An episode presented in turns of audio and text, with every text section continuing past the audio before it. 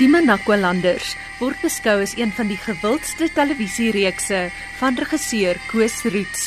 Die ALF-skaal van die draadloose tussen by julle gehad. Dis hoe ons sien, my se maasie oks.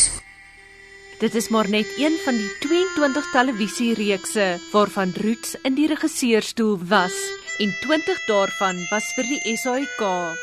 Met behulp van akteur Hans Strydom het hy ook in 1986 die Manam Sage vervaardig.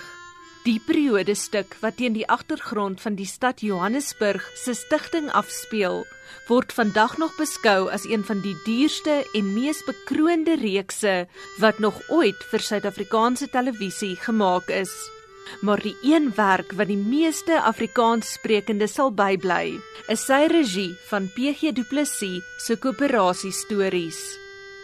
Genis is net begaan oor sy huweliksregte. Genis jong.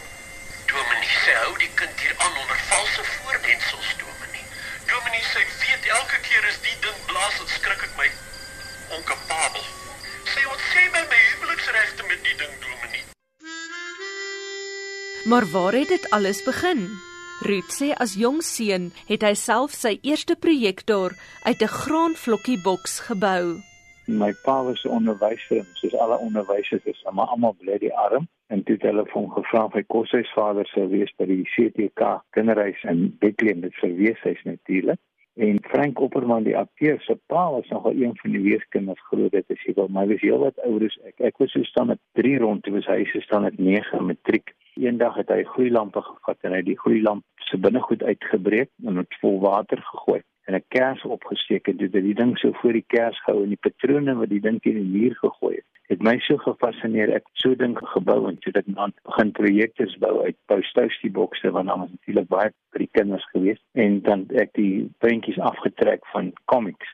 Met die deurslagpapier het afgetrek en dit was so 'n skyfie.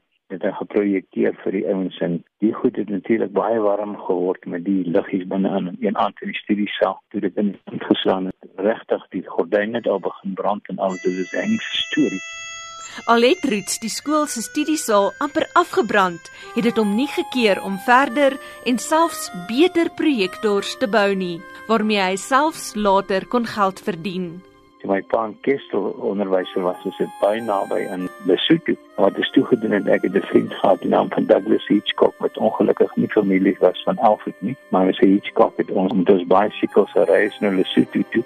Dit was so 25 of 30 myl daai dag. En met agter op sy fiets het hy dan 'n opslaan tafeltjie en 'n paar goedjies en ek het op myne klomp boeke en 'n telefoon. Kom ons dan by die plek, dit was Kwakwa. Ek weet nie wat dit vandag se naam is nie. Dan kom jy ons het hulle so om die blok om twee en kom sit hulle. Hulle foto neem van myself agter die telefoon met die boeke en die tafeltjie betaal hulle 5 shillings en dan wikkel ons dit by die huis en dan volgende week en bring ons hulle terug. En ons het soveel geld by die ding gemaak dat ons eintlik 8 mm projekte gekoop het. En toe begin ons al die troues en mense wat doodgaan en ouens se ramme wat pryse wen afneem. Dit is daarmee so geld maak. Maar dis 'n 16 mm projektor kon koop. Dit is toe in die stadsaal elke Vrydag en Saterdag aand movies gewys het.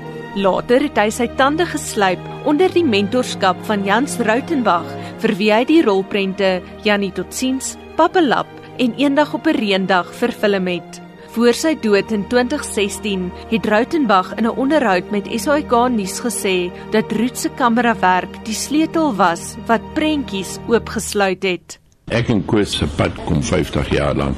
Ons het by Jamie Ace Films gewerk. Maar hy het begin as 'n jong soort van assistent kameraman vir Judex Viljoen en daarvandaan af geblom en ek was baie bevoorreg om sy eerste vollengte fliek wat hy geskiet het as 'n volwaardige kameraman was Jannie Totsiens. Vandag nog een van die groot mylpaal speelfilms in Suid-Afrika. Vandaar het hy bewys dat hy 'n ongelooflike skepende talent is.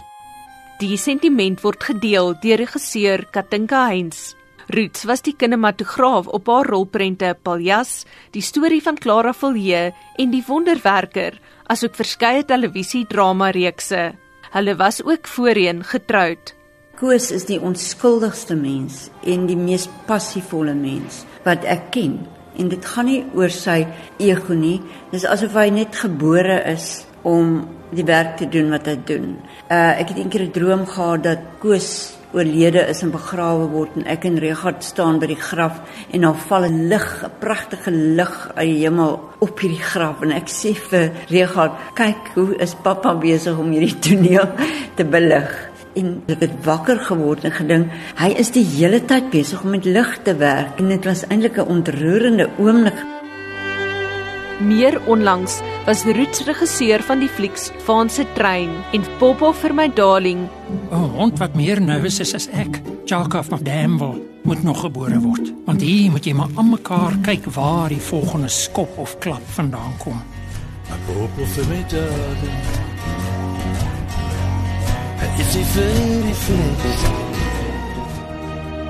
Toe hy in 2013 as beste regisseur by die Silwer Skermfees aangewys is, het Rautenbach hierdie boodskap vir hom gehad. Baie geluk Koos Roots. Jy het 'n lang pad baie mooi geloop. En volgens Roots is hierdie pad nog ver van klaar. Hy vervul hom nog daagliks dokumentêre projekte en ontwikkel stories wat hy eendag weer na die silwerdoek wil bring. Ek is Anne Marie Jansen van Vuren vir SAK nuus.